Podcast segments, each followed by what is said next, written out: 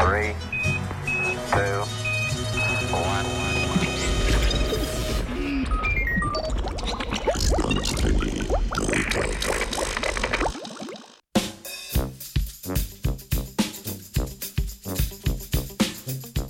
Hrošči vrtičkarji svoj pridelek gojijo na alkoholu. Kako pak?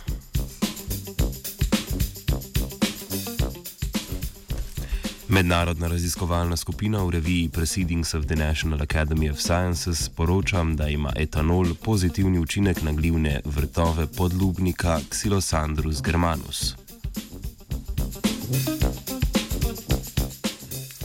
Podlubniki so bolj znani zaradi škode, ki jo povzročajo v gozdarstvu, manj znano pa je, da so pravi kmetovalci med hrošči, saj v gostiteljskih drevesih ustvarijo rove, v katerih gojijo glive, s katerimi se hranijo tako ličinke kot odrasle živali. Znano je, da etanol močno privlači te hrošče. Gostiteljska drevesa si izbirajo predvsem na podlagi tega, koliko etanola se, se nahaja v njih. Etanol v drevesih nastaja v procesu celičnega dihanja, njegova koncentracija pa naraste, kadar so drevesa izpostavljena okoljskemu stresu, kot je denimo suša.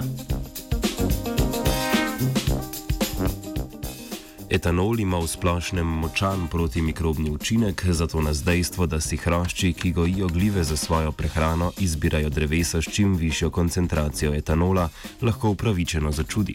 Dosedanje razla razlage so večinoma pravile, da naj bi si podlubniki izbirali drevesa, ki proizvajajo več etanola zato, ker to kaže, da je drevo šipko oziroma da morda celo umira.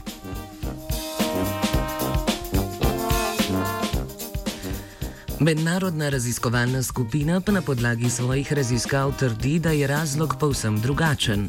S kombinacijo terenskega in laboratorijskega dela so ugotavljali, koliko etanola se nahaja v drevesih, ki so kolonizirana s podlubnikom Xyloxandrus germanus, ter uspešnost rasti podlubnikov in gliv, ki jih pridelujejo.